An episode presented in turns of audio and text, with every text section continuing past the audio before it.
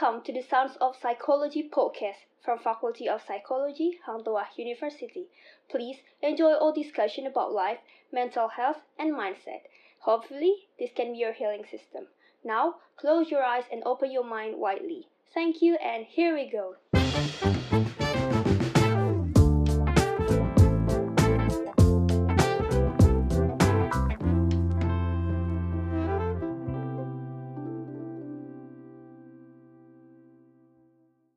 Halo sahabat psikologi, kembali lagi bersama saya Erla Fianda di Sun of Psychology Podcast. Pada episode kali ini kami akan membahas mengenai perilaku ghosting. Dan kali ini saya tidak sendirian pastinya, saya ditemani oleh narasumber cantik dan gaul yang mana beliau adalah salah satu dosen di Fakultas Psikologi Universitas Hang Tuah Surabaya. Langsung saja kita sambut Ibu Dewi Mahastuti, SPSI MSI. Assalamualaikum Bu Mahas, apa kabar? Selamat siang, Waalaikumsalam Mbak Erla. Bagaimana sahabat psikologi semua? Gimana kabarnya? Semoga sehat semua ya. Ya pastinya semoga aja semua diberi kesehatan pada uh, pandemi ini Bu. Gimana sehat, Bu kabarnya hari ini Bu? Alhamdulillah sehat Bu. Ibu gimana? Alhamdulillah sehat. Alhamdulillah. Kegiatannya apa aja Bu kalau boleh tahu? Ya masih seputar kegiatan eh, kampus seperti itu yang dipindahkan ke rumah.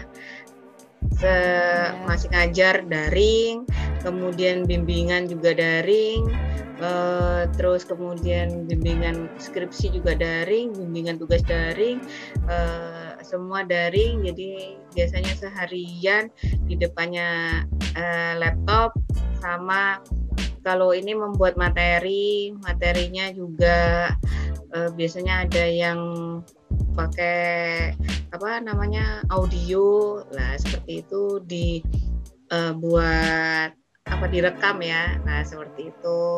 Uh, sama ya biasa menemani anak-anak uh, yang sekolah uh, daring juga seperti itu ya jadi aktif daring ya Bu ya pada masa ya. pandemi ini ya Bu ya. Iya betul. Tapi enak juga karena e, bisa mendapatkan ilmu dari luar itu juga banyak e, karena webinar, workshop itu kan nggak usah ke mana-mana. Yeah. Cukup e, cukup di rumah kita bisa belajar sampai ke mana-mana. Eh, kita ambil sisi positifnya saja. Jadi bisa menyenangkan berseluncur ke mana-mana tanpa harus beranjak. Iya, jadi fleksibel sekali ya Bu. Jadi kita bisa melakukan banyak kegiatan dalam berapa waktu yang bersamaan gitu ya Bu ya. Iya, betul. Eh, saya juga lihat di Instagramnya Ibu, Ibu juga sering aktif dalam kegiatan Himsi Jatim, mengisi kegiatan gitu ya Bu ya? Ya di, di... Instagram kayak ah. gitu-gitu.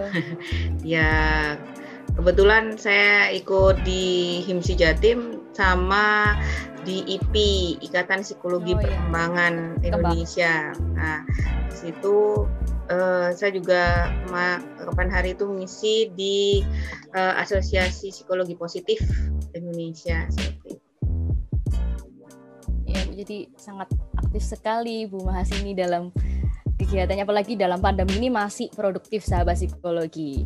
Nah, uh, tadi kan Ibu juga bilang bahwa pandemi ini juga kita dikaitkan dengan daring daring daring daring terus gitu ya, Bu. Iya. Nah, sekarang itu bu uh, di sosial media itu lagi hitsnya tuh uh, tentang ghosting. Okay. ghosting tuh sekarang tuh lagi hits apalagi di anak muda. Dan menurut penelitian juga bu, ghosting ini sering terjadi juga karena adanya era digital ini bu. Jadi semakin pesatnya era, era digital ini jadi ghosting ini semakin merajalela. Nah, menurut ibu ini ghosting itu seperti apa sih bu? Oke, uh, sebenarnya kalau ghosting itu tidak hanya mulai dari uh, masa uh, yang apa namanya berbau teknologi seperti sekarang ini ya. Uh, ghosting itu sebenarnya sudah mulai zaman dahulu adanya. Uh, hanya uh, sekarang itu lebih viral. Uh, karena banyak orang yang uh, mengetahui terus kemudian banyak yang fokus membahasnya juga nah kalau dulu uh, banyak apa orang-orang itu uh, apa kalau kena ghosting kayak gitu itu atau bahasa ininya dulu mungkin di PHP kayak gitu ya. Uh, hmm, ya ya.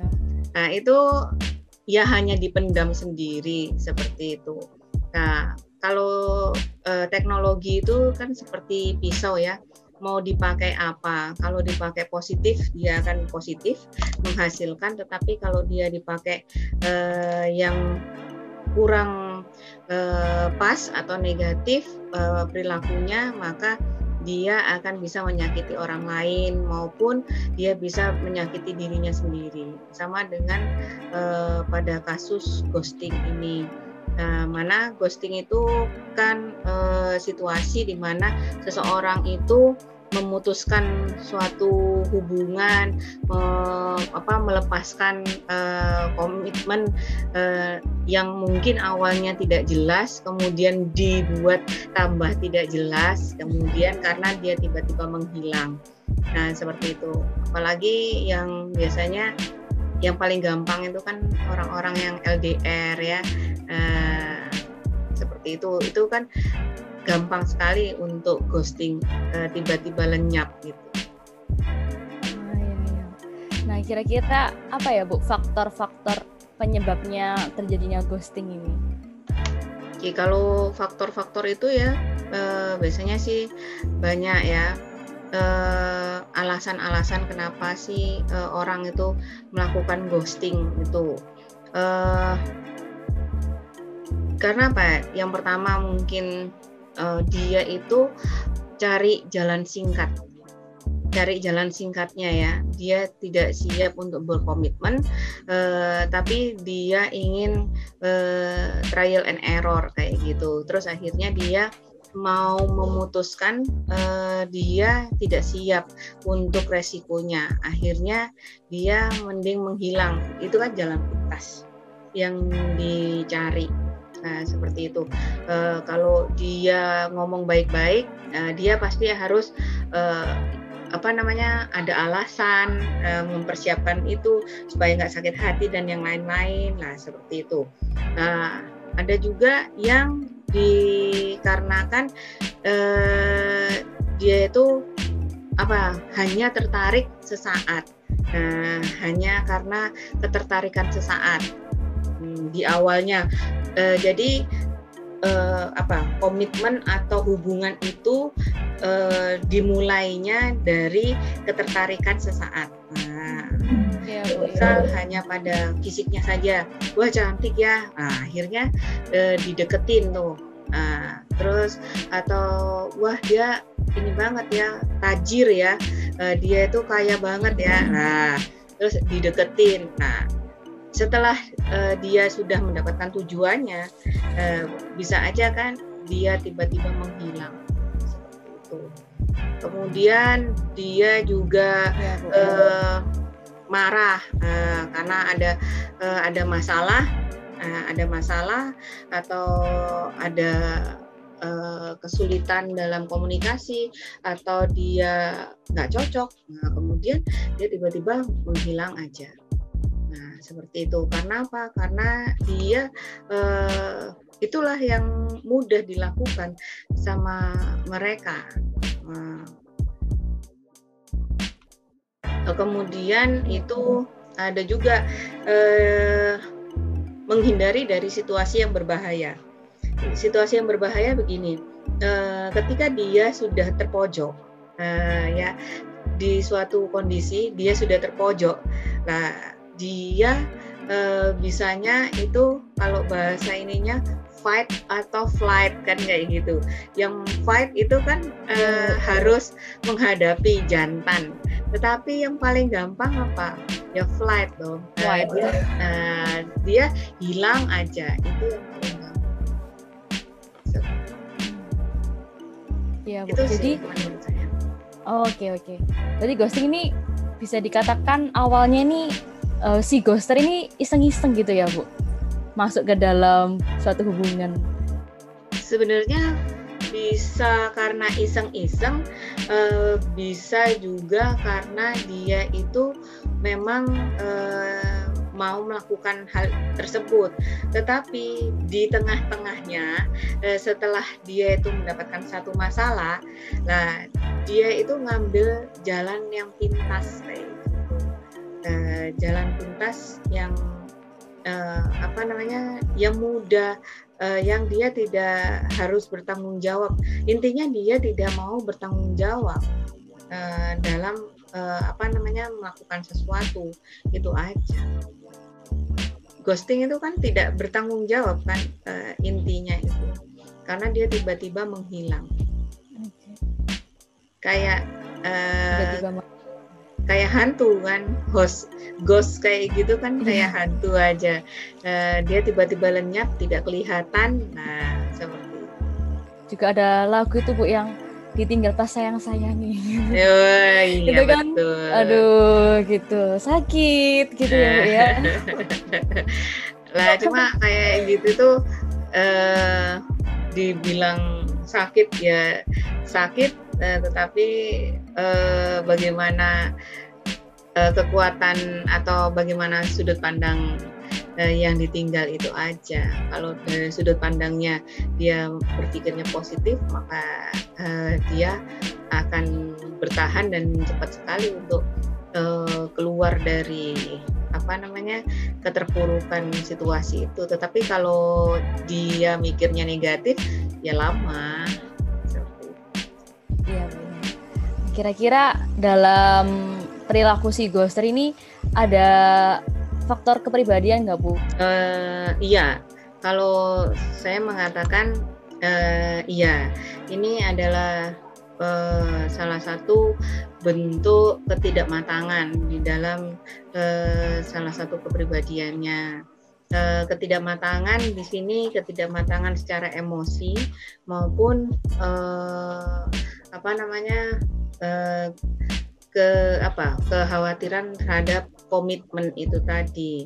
Nah, itu kan ketidakmatangan di dalam kalau namanya itu tugas perkembangannya ya untuk membuat hmm, satu iya. prinsip prinsip dalam uh, kehidupannya itu sebenarnya adalah itu ketidakmatangan emosi yang dimaksud uh, adalah apa uh, kalau kita itu matang secara emosi, maka kita bisa menempatkan atau membuat eh, apa kayak pelampiasan atau menyalurkan emosi kita pada tempat yang benar dengan cara yang benar. Nah, itu. Nah, kalau dia sebagai si, eh, si ghoster ini kan tiba-tiba dia hilang. Nah, yeah. kalau tiba-tiba hilang, eh, apakah pelampiasan atau penempatan emosinya benar? Kan tidak. E, karena dia marah eh, tiba-tiba kayak gitu. Lah kalau sudah eh, tiba-tiba menghilang itu itu kan masih e, sesuai pikirannya atau emosinya sesuai dengan sudut pandangnya dia. Nah, sama dengan perkembangannya anak usia berapa. Lah, seperti itu. Dan uh, berarti kan ada ketidakmatangan secara emosi. Nah, kemudian uh, kematangan terhadap uh, apa namanya pembentukan prinsip-prinsip hidup itu. Jadi biasanya ini dia melihat orang-orang uh, atau lingkungan sekitar yang dia kenal itu mempergunakan pemecahan masalahnya uh, dan pengambilan keputusannya uh, menggunakan hal tersebut. Hmm, dia berpikir bahwa itu adalah pemecahan masalah yang sangat uh, singkat, uh, yang tidak menimbulkan resiko buat dia, uh, terus kemudian yang apa, yang membuat dia enjoy enjoy aja kayak gitu loh yang ya, tidak betul. membuat resiko ya mungkin Baik, begitu Bu. berarti ya oke okay, bu berarti dalam ghosting ini adanya suatu ketidakmatangan emosional yang akhirnya menimbulkan perilaku ghosting ini gitu ya Bu? Iya, salah satunya adalah itu sih. Nah kira-kira dalam tadi kan udah dijelasin nih Bu ya, ada ketidakmasangan emosional, terus dalam pembentukan prinsip hidup itu juga kurang. Nah kira-kira dari beberapa faktor itu tadi, uh, apakah terjadi pola asuh yang kurang baik atau bagaimana Bu? Uh, kalau kita tarik ke belakang ya, uh, kalau ya. kita ngelihat dari ketidakmatangan emosi, terus kemudian uh, apa identitas diri maupun prinsip itu tadi itu kan berarti e, bermulanya dari stimulasi yang didapatkan kalau orang perkembangan ngomongnya akhirnya itu e, stimulasi stimulasi itu eh, dapatnya dari mana?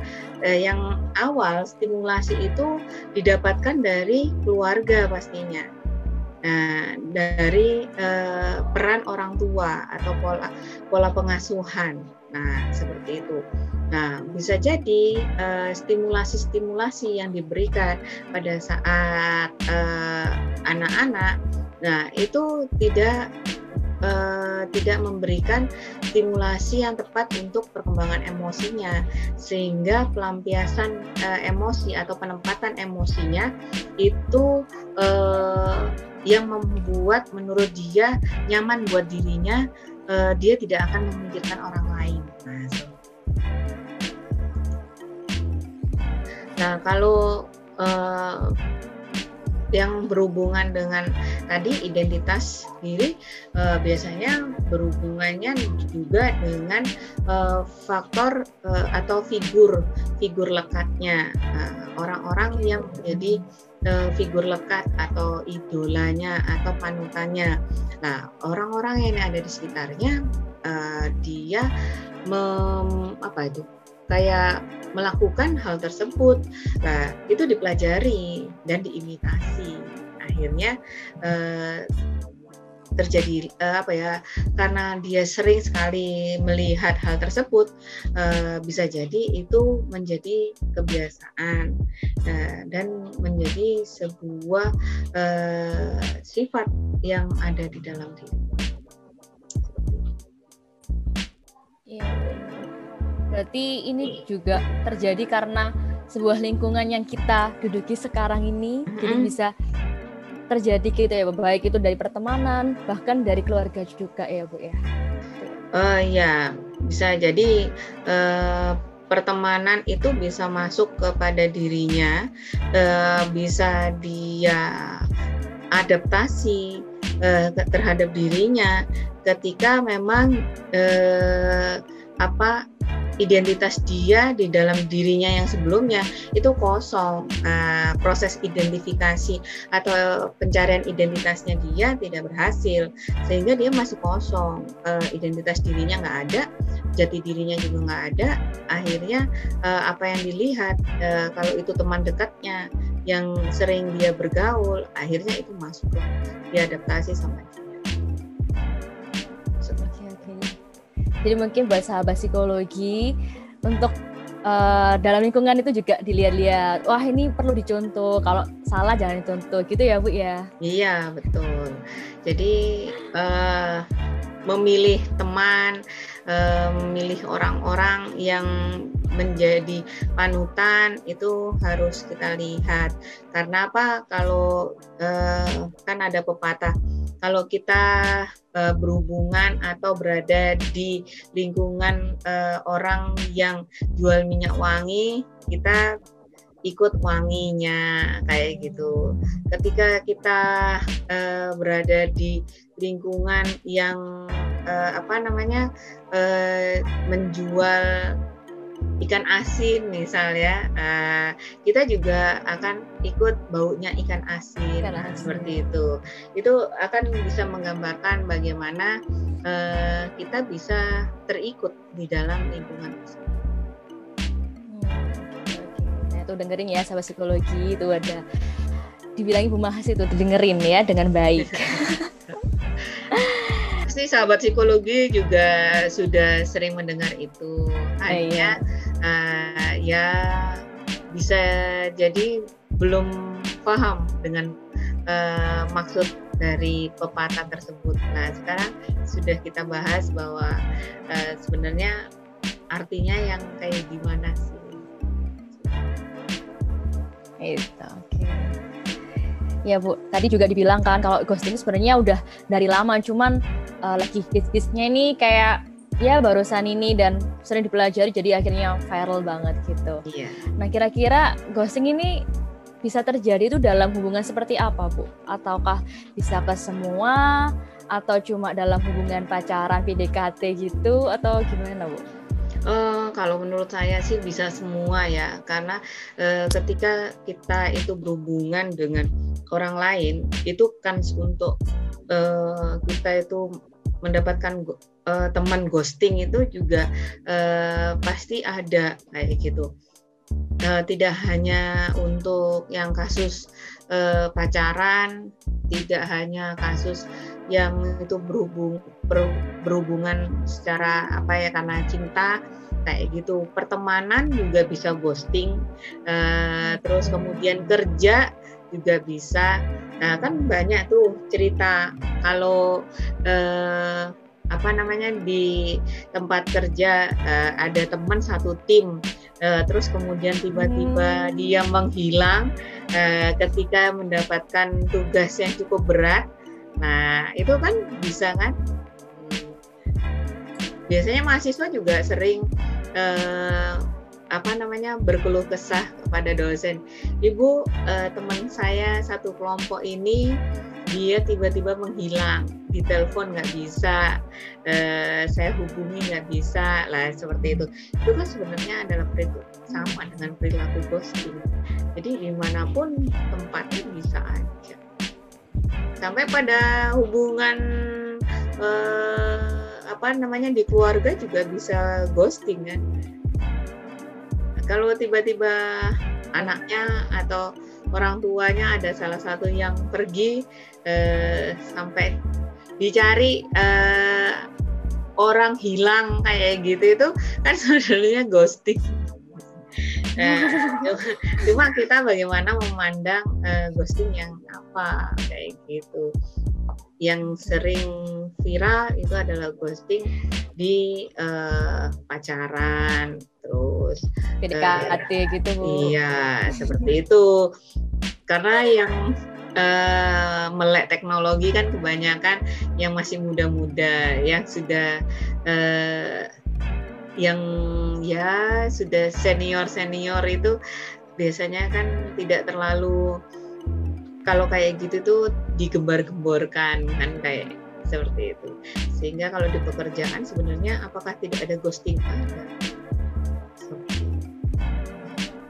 Baik Bu, mungkin juga sahabat psikologi tadi udah dikasih tips nih kalau semisal dalam satu kelompok itu ada salah satu anggota kalian juga uh, seperti itu mungkin sikap yang harus kita lakukan yang tadi udah jelaskan oleh Bu Mahas. Gitu ya Bu Iya, yang penting positif aja.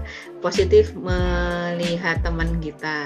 Nanti tapi lama-lama kalau si ghoster ini berhubungan dengan orang-orang yang uh, dia itu apa namanya uh, profesional. Nah, lama-lama dia akan bisa berubah juga uh, karena ada situasi yang dia harus uh, ini masuk kayak gitu. Kalau saya itu sebagai uh, saya pernah mendapatkan uh, tim seperti itu ya.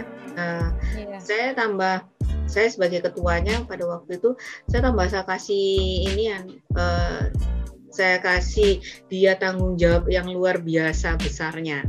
Nah, yang nantinya kalau dia eh, mau melakukan kebiasaannya, dia akan kena eh, kondit yang atau kena punishment ya, eh, kena hukuman yang luar biasa. Dan itu tidak hanya eh, satu orang yang menghukum dia. Banyak orang kayak gitu. Akhirnya saya buat po saya pojokkan eh, saya kasih yang ininya luar biasa. Eh, tanggung jawabnya yang luar biasa.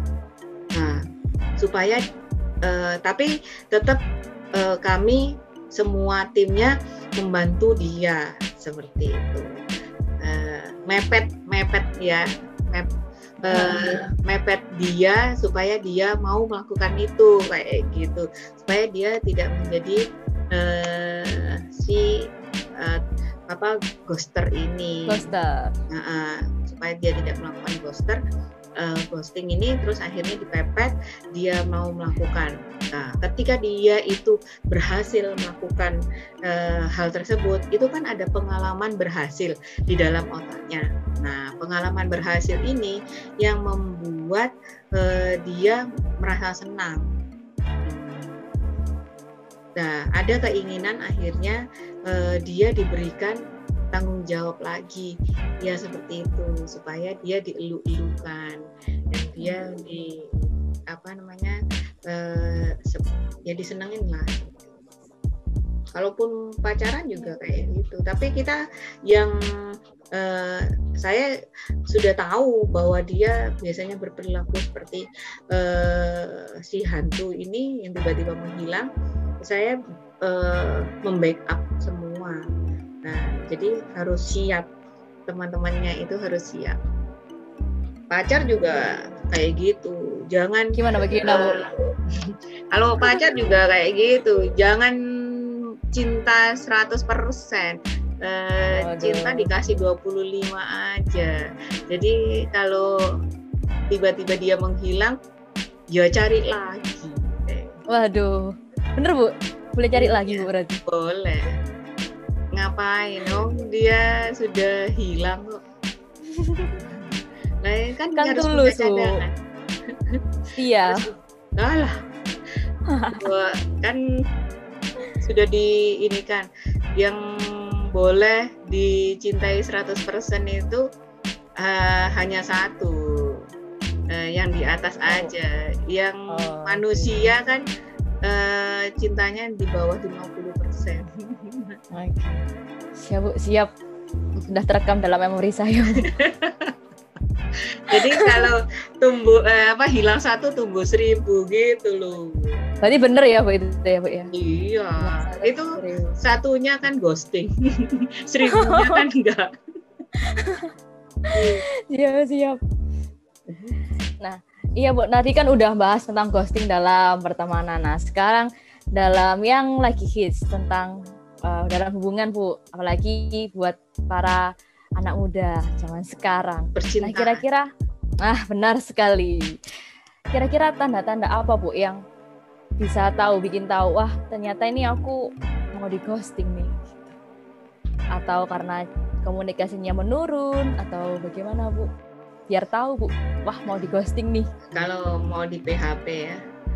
Iya. Biasanya uh, ghoster ghoster itu uh, kalau ditantang untuk berkomitmen berkomitmen lebih dia nggak pasti nggak ada yang mau. Itu yang pertama. Uh, kemudian uh, tanggung jawab yang dipilih itu adalah tanggung jawab tanggung jawab yang uh, remeh temeh, nah, yang dia supaya dia mudah untuk uh, mau apa namanya kabur. Nah seperti itu. Hmm. itu uh, seperti itu. Terus kemudian uh, dalam melakukan sesuatu biasanya itu uh, apa kayak orang itu nggak sepenuh hati ya. Uh, seseorang melakukan kepada pacarnya sepenuh hati sama tidak nah itu yang yeah. hanya menjaga image itu kan pasti akan berbeda. Nah kayak gitu. Pakai syarat. Nah kalau sudah syaratnya banyak banget wah ini hati-hati aja kalau kayak gitu. Biasanya sih kayak gitu. Terus habis gitu eh, ya ketika dia itu berjanji beberapa kali dia itu uh, yang cari alasan aja lah itu udah ciri-ciri dari orang-orang yang temannya tukang sulap ini yang bisa menghilang nggak bisa balik. Jadi nggak boleh berteman sama tukang sulap.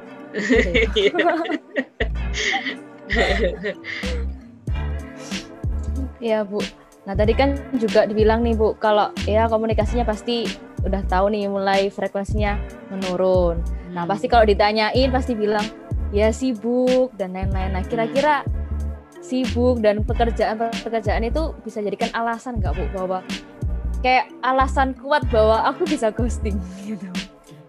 Uh, sebenarnya di, dilihat alasannya itu masuk akal apa enggak ya Nah, jadi kalau ini tips buat cewek, cewek juga harus pinter.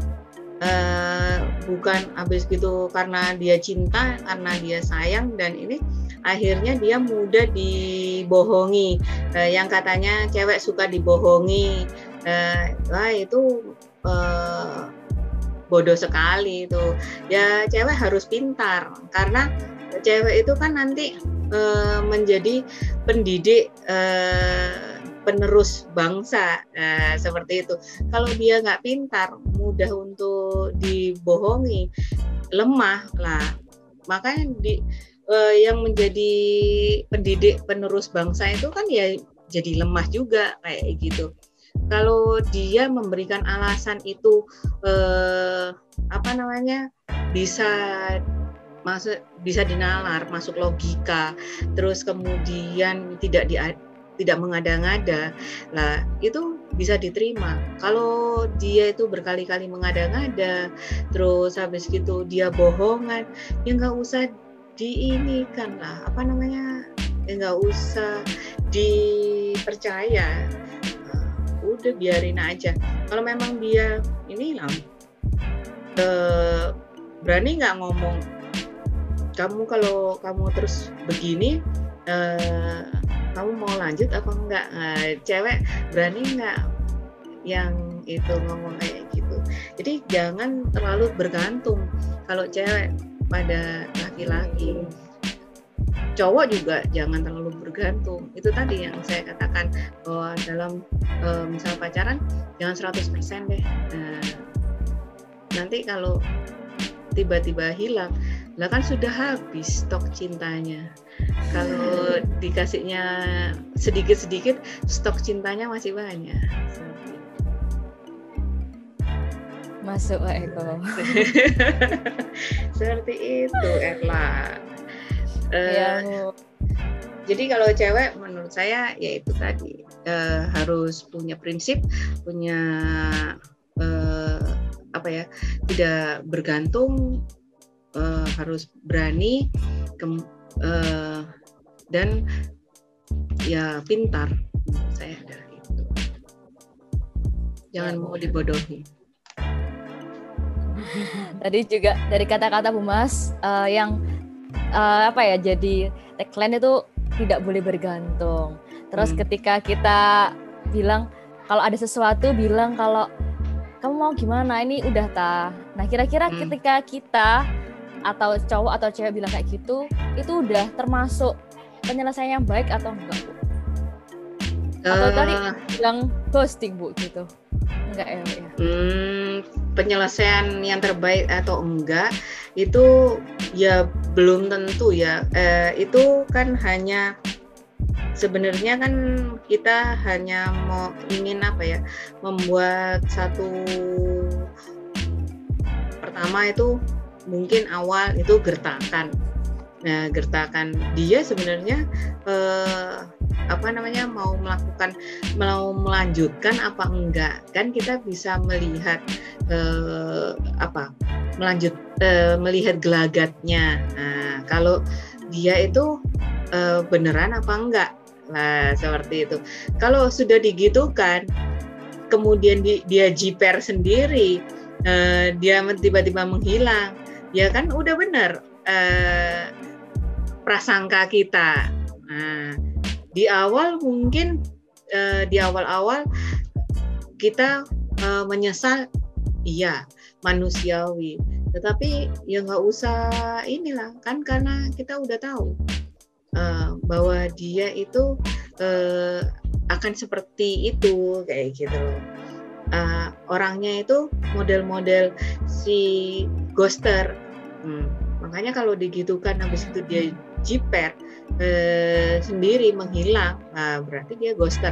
Kalau dia tetap bersikekeh uh, dia melanjutkan uh, dia itu mem, uh, memperlihatkan kesungguhannya nah itu baru kita melihat uh, kesungguhan dari seseorang yang ini kan kalau dia udah banyak alasan menurut saya sih ya udah jangan dilanjutkan gitu aja ya mungkin saya termasuk eh, cewek yang eh, jahat kalau kayak gitu.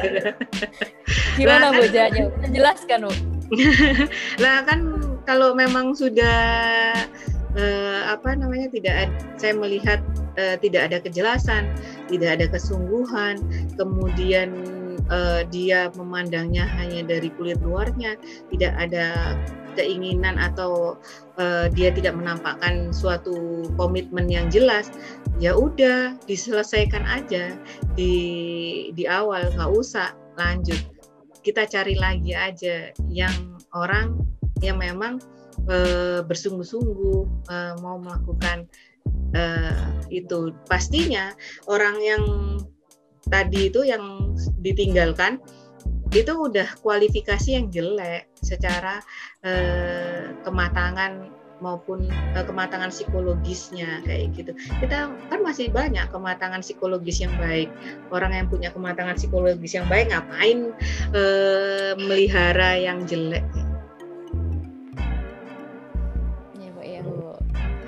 Tadi kan udah panjang lebar mengenai ghosting. Ternyata ghosting ini kalau bisa disingkatkan bahwa kayak orang yang nggak mau komitmen gitu ya bu. Otomatis ya nggak mau bertanggung jawab juga apa yang dia lakukan atau dia perbuat. Nah mungkin tips nih buat ya para pemuda atau dalam percintaan ini bu. Gimana bu menentukan oh aku mau berkomitmen aku mau pacaran sama dia gitu tapi dengan ya yang sifat yang dewasa kayak gitu bu. Biar tidak terjadi ghosting ghosting di mana-mana gitu.